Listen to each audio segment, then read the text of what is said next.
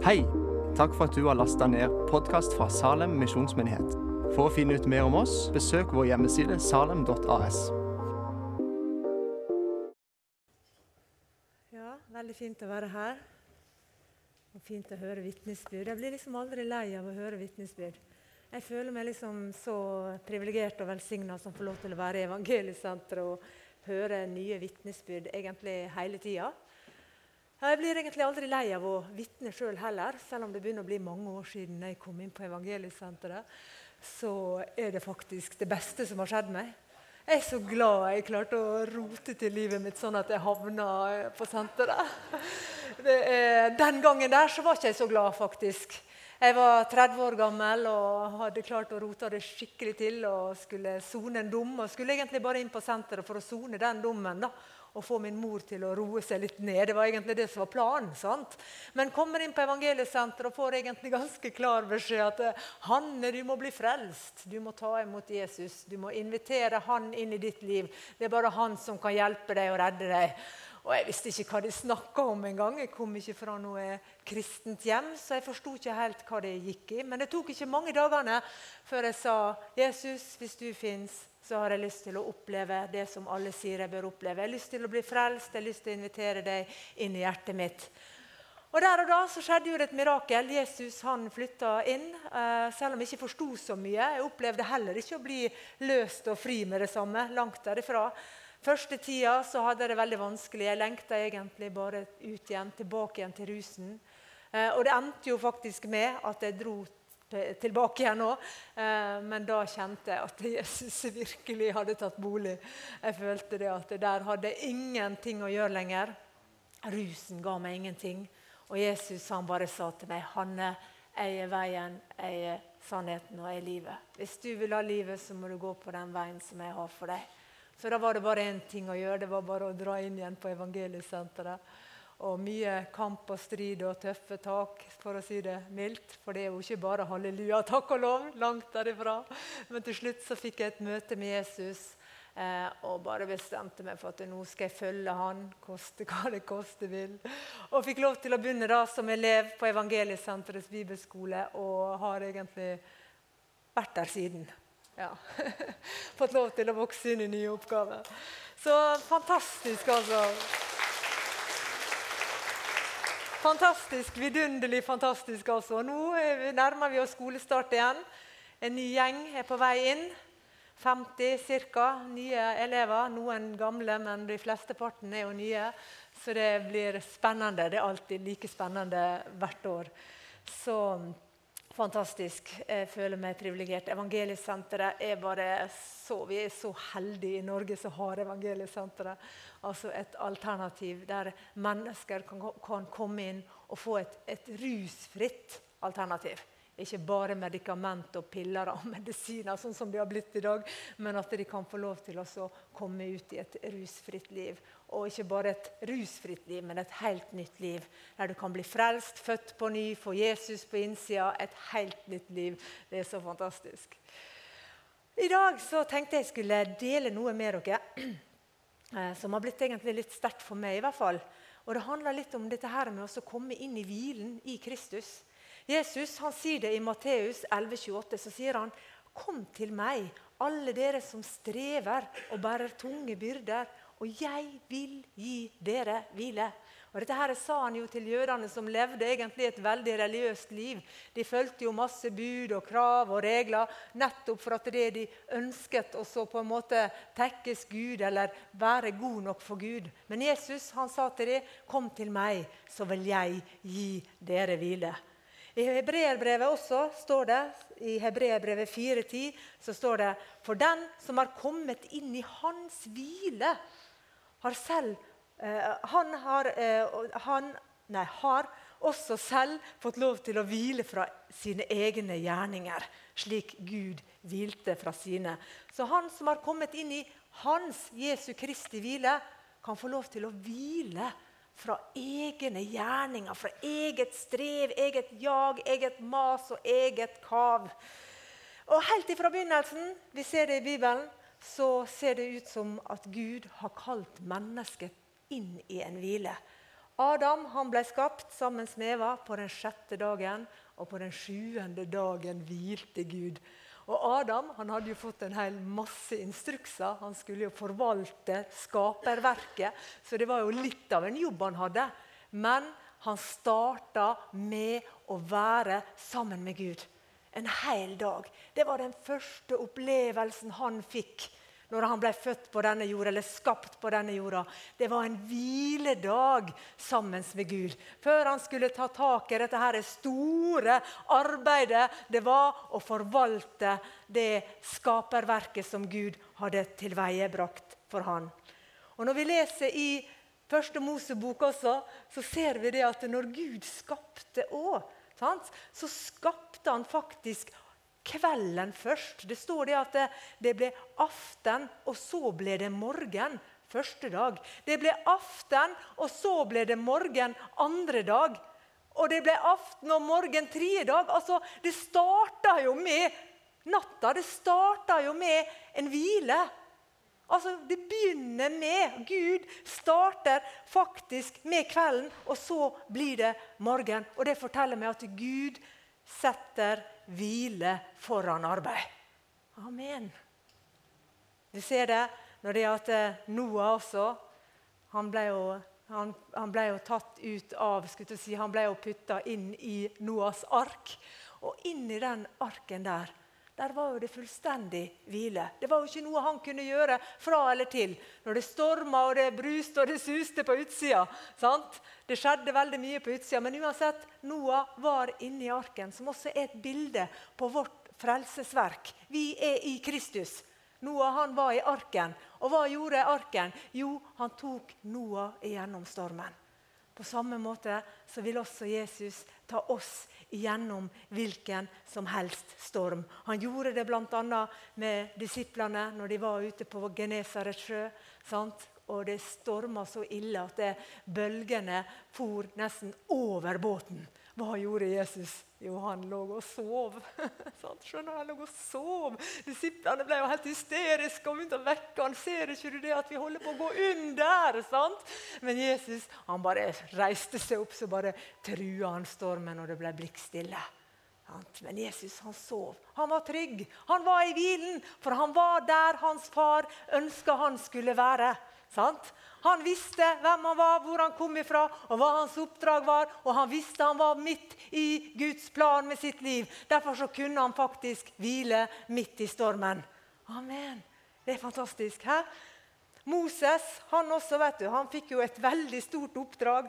Han skulle jo på en måte føre dette store folket ut av ørkenen, skulle si, ut av Egypt, gjennom ørkenen og inn i løfteslandet. Og Et øyeblikk der, så ikke bare én gang, men flere ganger, så ble han jo ganske fortvila. Og han var jo egentlig, eh, spurte jo Gud om at eh, kjære Gud, du må vise meg, du må lære meg din vei. Du må vise meg eh, hvilken vei jeg skal gå på. Dette her står i andre Mosebok i kapittel 33. Og da sa Herren til Moses.: Mitt åsyn skal gå med deg, og jeg skal føre deg til hvile.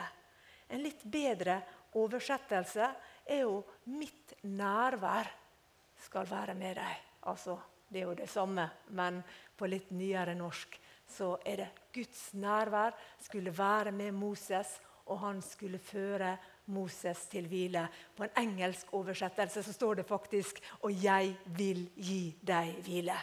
Mitt nærvær skal være med deg, og jeg vil gi deg hvile. Amen. Og det er jo sånn for oss også sant, sammen med Jesus, så kan vi få lov til å være bærere av Guds nærvær. Og vi kan få lov til å være i en hvileposisjon. Og Nå har vi hatt noen fantastiske møter borte på Østerbo der. Og vi hørte bl.a. Dennis Greenwich, som jeg så skulle eller har vært her, eller om han kommer hit. Og da Et utrolig sterkt vitnesbyrd. Og så sa han noe som bare greip hjertet mitt. Kraften er i freden, sa han. Amen. Freden vi får med Gud, den hvileposisjonen vi får i Gud, der kan vi hente kraften fra Gud. Jeg har tenkt mye også i det siste på disse her disiplene som hadde gått sammen med Jesus. De hadde jo vært sammen med han faktisk i tre år. Og Jesus han hadde jo hele fylden av Den hellige ånd. Han gjorde tegn og under og mirakel overalt. Og i kraft av den han var og det han hadde med seg, så gjorde jo disiplene det samme. Sant? Altså De jo helbreda folk, og de gjorde masse mirakler og tegn og under. Sant? Fordi at de var sammen med Jesus, og så hadde de fått navnet Jesus, som de også brukte. Men så skjedde jo det som kanskje disiplene hadde håpet og trodd ikke skulle skje. Nemlig at Jesus ble tatt til fange, at han ble torturert. Og så ble han korsfesta til og med. Hæ? Han døde faktisk. sant? Og der plutselig var disiplene uten Jesus. Kan du tenke deg? Der hadde de vært sammen med han og gått sammen med han og kjent kraften fra han i alle de år. Og der var Jesus borte vekk. sant? Og det står det at de var redde. står det. De hadde samla seg opp et rom, for de frykta jødene, for de hadde blitt redde, for Jesus var død. Og ikke nok med bare det, det var jo til og med en av deres sine egne som hadde forrådt han, Judas. Og så hadde jo han til og med gått og hengt seg. Kan du tenke deg stemninga? Og Peter hadde fornekta han tre ganger. Og de andre de hadde jo svikta totalt der i Getsemane. Kan du tenke deg den stemninga det var oppe på det rommet? Der de satt i frykt for jødene. For de var jo redde for det at det, kan de korsfeste Jesus, kan de torturere han, så kan de i hvert fall gjøre det med oss. sant?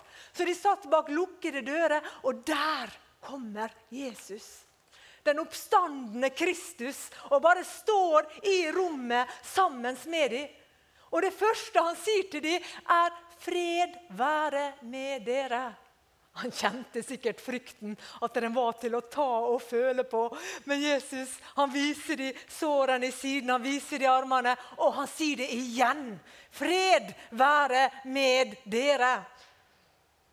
Å, men vi trenger den freden, folkens. Vi trenger den freden. Og etter det så sa han på samme måte som Faderen har utsendt meg, så sender også jeg dere. Så bare åndet han på dem og der fikk, han, fikk de Den hellige ånd. Tenk, De hadde ikke hatt Den hellige ånd. For Den hellige ånd var ikke blitt gitt før etter at Jesus var død og oppstått. Men der fikk de ånden. Der fikk de kraften til å kunne fullføre det oppdraget som Jesus hadde gitt dem, nemlig at han skulle sende dem ut, for de skulle være vitner om han. Overalt skulle de være vitner. Og Sånn er det for oss også. Jeg tenker Først av alt så trenger vi freden. Vi trenger å komme inn i hvilen med Kristus. Vi trenger å vite hvem vi er, han og hva han har gjort for oss. Og så trenger vi kraften fra Den hellige ånd, og da kan vi fullføre den hensikten som Gud har gitt hver og en av oss. Hensikten med å få lov til å være med oss og tjene Han.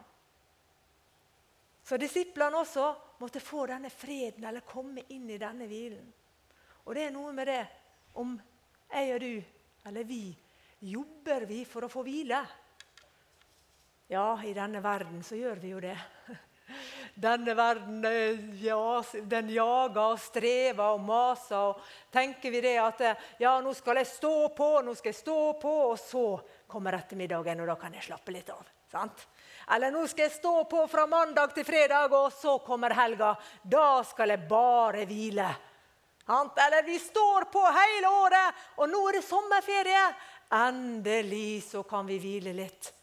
Men sånn hadde ikke Gud tenkt det for oss. Han hadde tenkt at vi skulle begynne andre veien. Guds rike er et annerledes rike. Et rike der vi kan få lov til ikke arbeide for å få hvile, men arbeide ut ifra en hvileposisjon. Amen. Det blir noe helt annet. Det blir noe helt annet. Når du arbeider ut ifra en hvileposisjon sammen med Herren, som Jesus sa. Ta mitt åk på dere og lær av meg. Hæ? Et åk er jo noe vi legger på skuldrene, sånn som vi kan bære tunge byrder på en lett måte. Sånn er det å være sammen med Jesus. Da kan vi bære tunge byrder på en lett måte. Hadde dere kjent meg sånn som jeg var før, før jeg kom inn på evangeliesenteret, så hadde ikke dere trodd at jeg kunne være rektor på en bibelskole, og i hvert fall ikke i årevis. Jeg har ikke trodd det sjøl engang. Hva er det som gjør det, da? Jo, for Jesus. Jesus har kalt meg inn i et samfunn, inn i en hvileposisjon sammen med Han. Og det er stor forskjell. Det er stor forskjell å arbeide for å få hvile. Å, jeg må bare gjøre det og gjøre det og være sånn og oppføre meg sånn. Da, da får jeg fred. Åh, da kan jeg hvile. Da er Gud fornøyd med meg. Hæ? Har du vært der? Sant? Istedenfor å vite for visst. Åh, jeg er et Guds barn, jeg er høyt elska. Og jeg er i en hvile og en fredsposisjon med Gud. Og så jobber vi ut derifra. For det handler veldig mye om identitet. Det handler veldig mye om å vite hvem vi er i Han. Det handler om å forstå eller få åpenbaring om at i Han så er vi nye skapninger. Det står at dersom noen er i Kristus Jesus, da er han en ny skapning. Det gamle er borte. Se, alt er blitt. Og det bibelverset der det driver jeg også gjerne elevene mine på bibelskolen med. Du er en ny skapning. Ja, amen. Gamle Eh, gamle Brede er korsfesta med Kristus. Han er død. Han er ferdig som popsanger. Han har ikke en mulighet til Han kan ikke gå tilbake til det gamle, for han har blitt født på ny. Han har blitt ny skapning. Han er korsfesta med Kristus. Og jeg husker for min egen del når det gikk opp for meg at det gamle Hanne døde med Kristus. Ja, ja, da er jo det derfor jeg ikke klarer å gå tilbake igjen til rusen. Jeg er jo død med Kristus, jeg er korsfesta med Han. Og så så jeg det at jeg lever jo ikke lenger sjøl engang, men Kristus lever i meg. Er ikke det fantastisk? Hæ? Og ikke nok med bare det. Jeg har blitt erklært rettferdig av bare nåde ved troen på Jesus Kristus. Amen. Jeg har fått en rettferdig, jeg er blitt erklært rettferdig og blitt rettferdig inn framfor Gud ved troen på Han av bare nåde.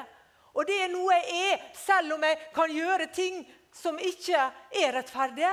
For jeg har blitt erklært jeg har fått det tilregna av Han gjennom troen på Han. Det er en posisjon jeg står i. Og så har jeg fått fraregna all min synd. ikke det fantastisk? Hæ? Og sånn er det bare. Det er bare, Sånn er det. Det er ikke noe å tvile på. Og jeg husker når jeg var nyfrelst, da gikk jeg fram og tilbake. og ene dagen var jeg frelst, og andre dagen var jeg ikke frelst. og Det var mye eh, tvil og mye uvitenhet og lite kunnskap om hva Bibelen sa hvem jeg var. Det står også at vi har blitt født inn i hans familie. Vi har fått lov til å bli Guds barn. Det er en rett vi har fått gjennom troen på Jesus Kristus. Han er den førstefødte av den nye skapningen, og vi er hans søstre og hans brødre. Det er også er bare en faktaopplysning. Sånn er det bare.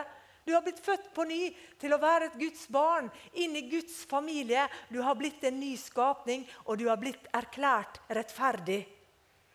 Og det står det at vi har fått alt, alt som tjener til liv og til Guds frykt i Han. Det står at det alle kunnskapens og visdommens skatter er skjult til stede i Kristus Jesus, som bor i deg og meg. Det er for godt til å være sant, men det er sant.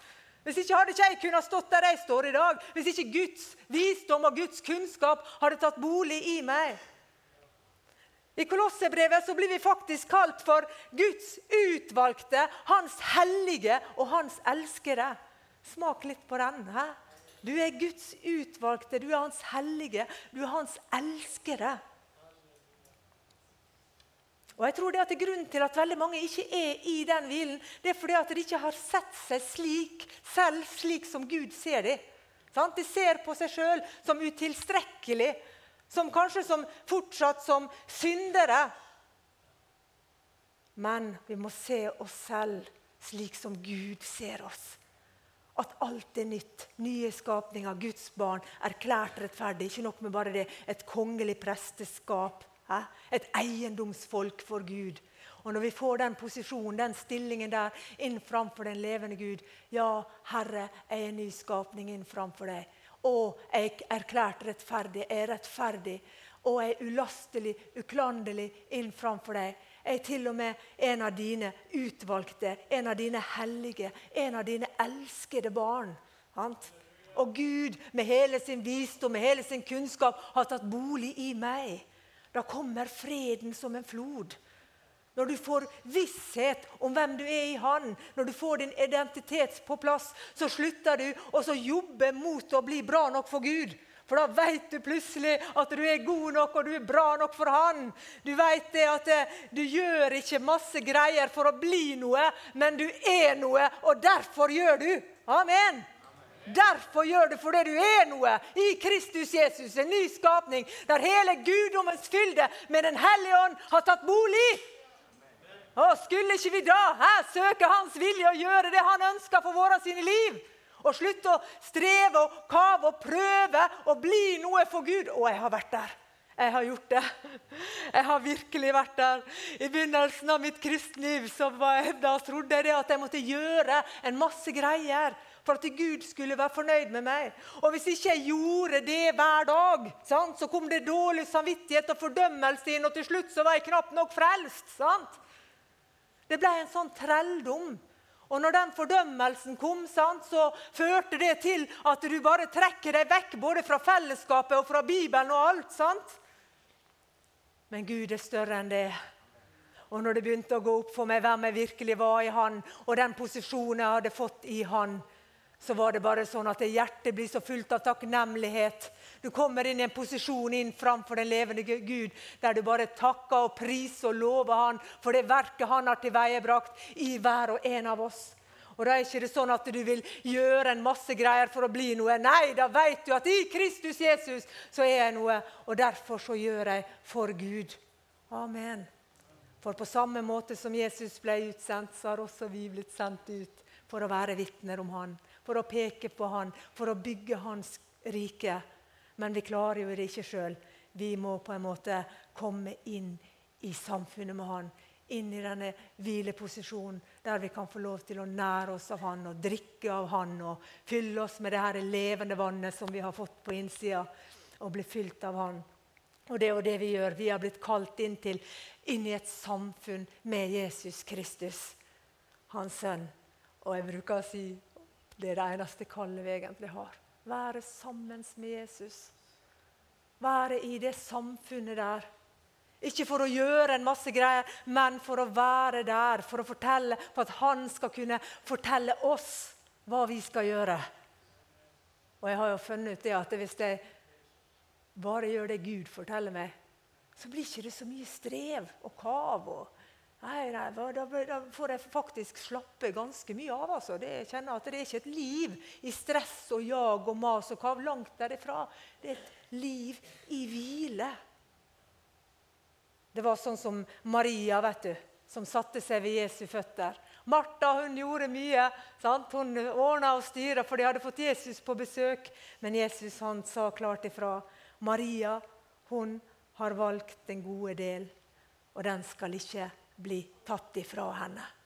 Så sier han også ett er nødvendig, sa han. Det er nødvendig. Det er det samfunnet med Jesus. Hva gjorde Maria? Jo, hun satte seg ved Jesu føtter og hun lyttet til hans ord. Der var hun, liksom.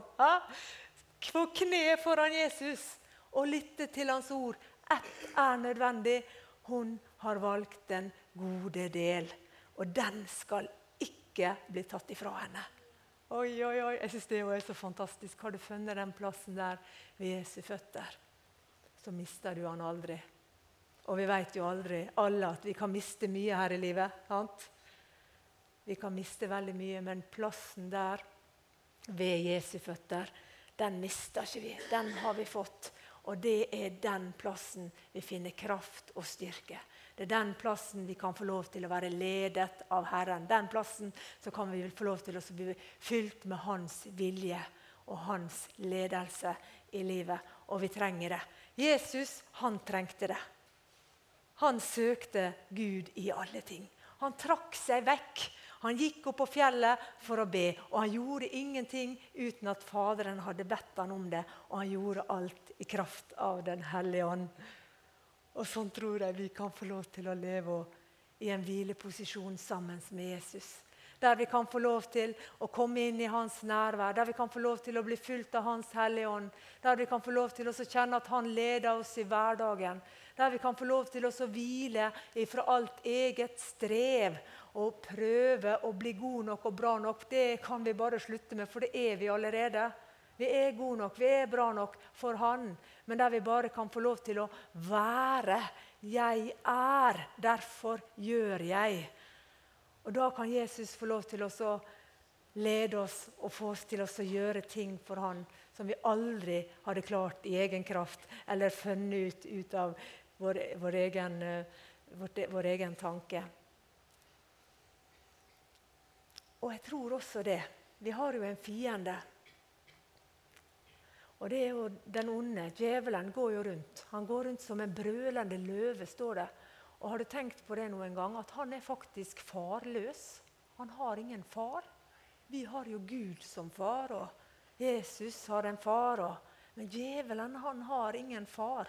Nei, han er farløs. Derfor er han veldig rastløs. Sant? Han springer jo rundt, sant? og han er jo løgnen og fryktens far. og Han springer jo rundt som en brølende løve, og så prøver han virkelig å oppsluke noen. Så sier han alltid 'Har Gud virkelig sagt?' Han stiller spørsmålstegn ved Guds ord, han stiller spørsmålstegn ved hvem du er, og hva du har fått i Kristus. Har Gud, Er du virkelig en ny skapning? Er du egentlig født på ny? Er ikke du egentlig en rusmisbruker? Sånn kommer han hele veien. Men jeg tror det at eh, befinner vi oss i en hvileposisjon sammen med Jesus, så tror jeg det at For han har ingen del i hvilen. Langt derifra. Han er rastløs. Han farer rundt på jorden, står det i jobb. Han farer rundt som en sånn villmann. sant? Han farer rundt og har ingen del i hvilen. Så når vi er i en hvileposisjon i Kristus Jesus, så tror jeg rett og slett vi sliter han fullstendig ut. Da kommer han til å springe som en sånn runding rundt oss og prøve å få oss til sant? å bli satt ut og prøve å få oss til å brette opp armene og ta virkelig tak. Sant? For det er jo det han ønsker, at vi skal finne på en masse greier og slite oss fullstendig ut. Nei, går vi inn der sammen med Jesus i en hvileposisjon sammen med han, så tror jeg det at det, da må den onde bare flakse og ryke og flyge i Jesu Kristi navn. Og jeg tror det at det er der, i samfunnet med Kristus, sammen med han, å bli fylt av han og lære han å kjenne, sitte der som Maria satte, ved Jesu føtter og bare fylle seg med han og med hans ord og bare være der. Jeg tror det er nøkkelen og hemmeligheten til å komme ut i det som Gud har for den enkelte. På samme måte som disiplene når de skulle ut og være vitner for Jesus. De var fulle av frykt. Hva måtte de først få? Jo, de måtte først få freden. Først og fremst fred. Og Jesus han gjentok det gang på gang på gang. To ganger sa han det til dem. Fred være med dere. Og vi leser gjennom hele Nytestamentet. Nesten hver en bok begynner med fred. Nåde og fred være med dere. Fred ikke den fred som verden gir, men den freden som er i denne hvilen i Jesus Kristus. Den må vi ha først og fremst på plass. Og så trenger vi kraften i Den hellige ånd. Amen. Og den får vi, da får vi påfyll vet du, når det er at vi søker Jesus. Vi har fått levende vann innlagt i våre sine hjerter, og så fylles vi på. Vi får lov til å leve i en sånn evig, et evig påfyll det er jo sånn Når Paulus sier i Efeserbrevet, så sier faktisk Paulus at 'drikk dere ikke drukne av vin', sier han, for det fører bare til utskeielser. Men bli fylt av Ånden. Bli fylt der, det betyr faktisk å bli fylt igjen og igjen og igjen. Det handler ikke om ett påfyll én gang, men det handler om å kontinuerlig være i denne strømmen av levende vann. Denne fylden av Den, leve, av den hellige ånd. Og når det er at det, Paulus sier det, så er jo det fullt mulig. Bli vedvarende fylt av Ånden. Og så tror ikke jeg det er noe som heter ja takk, begge deler. Litt vin her, litt ånd der. Nei. Jeg tror, jeg tror det at Skal du ha et vedvarende påfyll av Ånden, så tror jeg det at da må vi bare drikke av Ånden. Enkelt og greit. altså. Så enkelt er det. Men halleluja, Jesus Kristus har kalt oss inn i en hvileposisjon med Han. Og det handler egentlig om å bare vite hvem du er i Han, hva Han har gjort for deg. Det handler om å få identiteten på plass og vite for visst at du er et Guds barn. Du er god nok, du er bra nok, du er høyt elska. Så kan du få lov til å hvile i den posisjonen der. Og så kan Gud få lov til å virke sin vilje i og gjennom ditt liv. Når du hviler der, og du får kraften fra Den hellige ånd. Og jeg er helt overbevist, det står jo faktisk i Bibelen også, ettersom enhver, enhver har fått en nådegave, så tjen hverandre med den. Og jeg er sikker på at rundt omkring i menighetene så sitter folk altså med bankende hjerte sant? og bare kjenner å, jeg skulle gjerne bedt for den, eller jeg skulle delt et ord der, eller jeg skulle gjort det noe der, og jeg kjenner et kall til å gjøre det her. Jeg bare sier i Jesu navn også, bare reis deg og gå på det Ånden sier. Gjør det bare. For det handler egentlig om å bare gå på vannet. Hvis vi skal vente til vi blir klar Jeg sa det til mannen min. Jeg hadde Trond Eriksen sagt at 'Hanne, du skal få tale på Østerbo når du er klar'. Hadde jo aldri, aldri blitt klar. Hadde aldri kommet dit. Nei, det handler jo om å gå på vannet. Det handler om å bare stole på den lille innskytelsen du kjenner i hjertet, og bare gå på, så kjenner du det at ånden er med. Det er jo det det handler om. Sant? Og ettersom enhver av dere sant, har fått noe fra Gud, så gå på det du har fått. Begynn alltid i det lille. Så vil det vokse, så vil det utvikle seg. Så vil det bare spire og gro og ekspandere i livet ditt og gjøre Hans vilje. Det er jo vår mat. Å, Det er jo det som gir liv og kraft. Det er jo det, sant? Det er jo når de gjør Hans vilje, jeg bare kjenner Yes, kom igjen! Det her vil jeg ha mer av. sant? Det er jo ikke når jeg driver og duller med mitt eget, og når jeg ligger foran TV-en og gjør på alt mulig annet. Da kjenner jeg ikke mye liv og kraft. Men når jeg gjør Hans vilje, når jeg våger å gå litt på vannet, når jeg går ut av komfortsona, når jeg bare går på den lille innskytelsen i hjertet og bare gjør det, så bare kjenner jeg kraften ifra himmelen. Og så kjenner jeg at det blir min mat. Ja, det her vil jeg mer av. Det er jo det her som gir liv, og det gir kraft. Sant? Og når vi våger å gå de her sett på bibelskolen, og har vært der i noen år, så jeg begynner å få litt, litt erfaring. Men jeg ser de som våger, de som kaster seg ut på vannet, de som begynner å gå. Ser vi bare hvordan gavene bare utvikler seg, hvordan de blir forløst inn i ting. Sant? Hvordan de kommer ut i frihet med en gang. Altså, det er helt fantastisk å se. Men det koster. Selvfølgelig koster det, for du må liksom ut av komfortsona di. Og du må våge å gå litt på vannet, og du må våge på en måte å stole på Ånden. Og Av og til så kan det hende at vi til og med trakker litt feil, og, og på en måte at vi trakker, det føles ut som vi trakker litt i salaten og sånne ting. Sant? Men samtidig å, det er jo det vi virkelig vokser på. Og det er jo sånn vi lærer Herren å kjenne. Det er jo sånn vi lærer Herren å kjenne. Og her inne å, her er det mange som kjenner Jesus. Å, her er det mange som vet hvem det er i Han. Her er det mange som har kommet inn i hvilen, og som sitter der ved Jesu føtter og kjenner Hans milde røst. Her er det mange. Det bare vet jeg, det kjenner jeg i mitt hjerte. Og jeg har bare lyst til å oppmuntre deg. Jeg har bare lyst til å si til deg Å, bare gjør som Abraham, sant? reis deg opp sant? og se nord, sør, øst, vest. Jeg gir deg, jeg gir deg landet alt er ditt. Skjønner du? sant? Og bare reis deg der du er. Ikke tenk på det at ja, nei, men da må jeg til Afrika, eller da må jeg på en måte inn i en eller annen ministry. sant? Nei, reis deg der du er, i din familie, på din arbeidsplass, i din menighet. Der du er. Løft ditt blikk, se deg rundt, og så spør du bare Den hellige ånd. Hellige ånd, hva ønsker du for meg? Hva skal jeg gjøre for deg? Og i samfunnet med Kristus Bruker du tid sammen med han, vær du trygg. Han kommer til å bare vise deg med en gang. Og han bare elsker når vi stiller oss til disposisjon for han. Som det står i Romerbrevet 12. Sant? Vi stiller oss framfor han som levende hellig offer. Det er jo vår åndelige gudstjeneste. Det er å stille oss til disposisjon med vårt legeme.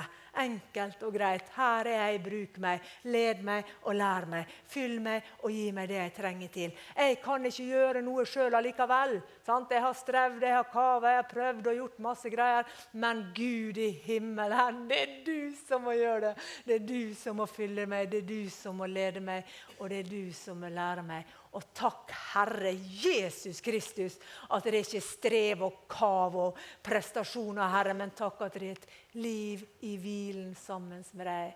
Takk at vi er ikke sånn som denne verden, Herre, som strever og jager og kaver for å oppnå noe. Takk at i ditt rike så er det motsatt. Der er vi noe.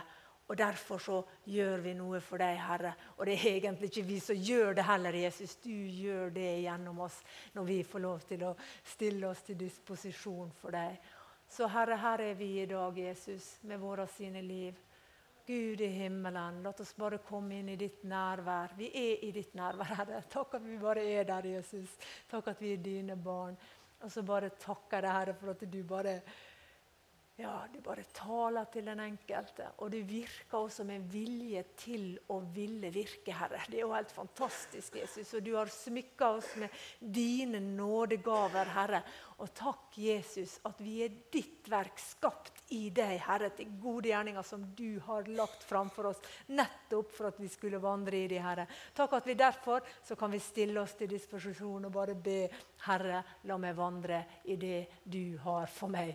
Gi meg av din nåde, av din kraft og av din salvelse, Herre, så jeg virkelig kan gjøre det, Jesus, i deg, Herre. Jeg priser og jeg lover deg. Halleluja. Takk og lov og pris. Fantastisk. Hæ? Vidunderlige, fantastiske Jesus. Nå sporer jeg helt av, men det er bare bra. det er virkelig bare bra, for å si det sånn. Så til slutt, 1. Johannes 3, 18. Mine barn, lat oss ikke elske med ord eller tunge, men i gjerning og sannhet. Og på dette vet vi at vi er av sannheten og skal slå våre hjerter til ro framfor Han. Åh, jeg synes det er så fint. Tenk å få slå sitt hjerte til ro inn framfor Gud.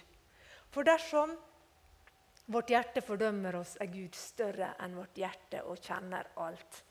Elsker det hvis vårt hjerte ikke fordømmer oss. Det er det som er så fantastisk. Da har vi frimodighet. Amen. Og vi har all god grunn til å ha frimodighet. Fordømmelse fins egentlig ikke i Kristus. Så når vi stiller vårt hjerte inn til ro til Han, altså ah, når vi vet hvem vi er i Han, hva Han har gjort for oss, så får vi fred med Gud. Vi stiller vårt hjerte inn til ro inn framfor Han, og da får vi frimodighet. Og hva da? Og hva skjer da? Og hva vi enn ber om, det får vi fra Han fordi vi holder Hans bud og gjør de ting som er til behag for Han. Amen! For det vil vi jo bare. Det er ikke sånn at det er noe strev. Nei, vi ønsker jo å være tilbake fra Han. Vi ønsker jo Hans Petter at Jesus skal smile av deg, sant? til deg, av deg. Og dette er Hans bud. Enkelt og greit at vi skal tro på Hans Sønn Jesu Kristi navn, og vi skal elske hverandre. Halleluja. Så har han bare gjort det så fantastisk at han har tatt av sin kjærlighet og utøst i våre sine hjerter. Så det er ikke umulig, det heller. vet du. Hæ? Han heilgarderte seg. Han så at han, hadde, han hadde ikke kjangs. Han måtte jo bare gi oss av sin kjærlighet for at vi skulle elske hverandre sånn som han har gitt oss bud om. Og den som holder hans bud, blir i han og han blir i han. Fantastisk. Og på dette kjenner vi at han blir i oss av den ånd han har gitt oss. Det er så fantastisk. Åh, For noen bibelvers. He? Vi i han og han i oss. Og noe så enkelt. Åh, vi kan få lov til å holde hans bud, nemlig det å tro på han og elske hverandre. Og kjærligheten utøst i våre sine hjerter. Men først av alt, få fred med Gud. Still ditt hjerte til ro inntil Han. Så forsvinner all fordømmelse. vet du. Vekk med fordømmelse. Bort med prestasjon og fordømmelse. Det, finnes, det skal ikke finnes blant Guds folk. Nei, vi skal få lov til å komme inn i freden, inn i gleden og inn i hvilen sammen med Jesus. Halleluja. Holdt det på veldig lenge. Amen. Harald han eh, vokser i nådegavene for tida, eller har gjort det siste året. Så vær så god, Harald. Han bruker å få noen kunnskapsord. Og veldig mange ganger så når en nådegave blir, kommer i funksjon, og så kommer det en tunge og en tydning, et kunnskap, så forløser det igjen tro, som igjen forløser nådegaven til helbredelse. Så det kommer liksom som perler på ei snor. Så vær så god, vær frimodig. Jeg har i hvert fall vært veldig frimodig.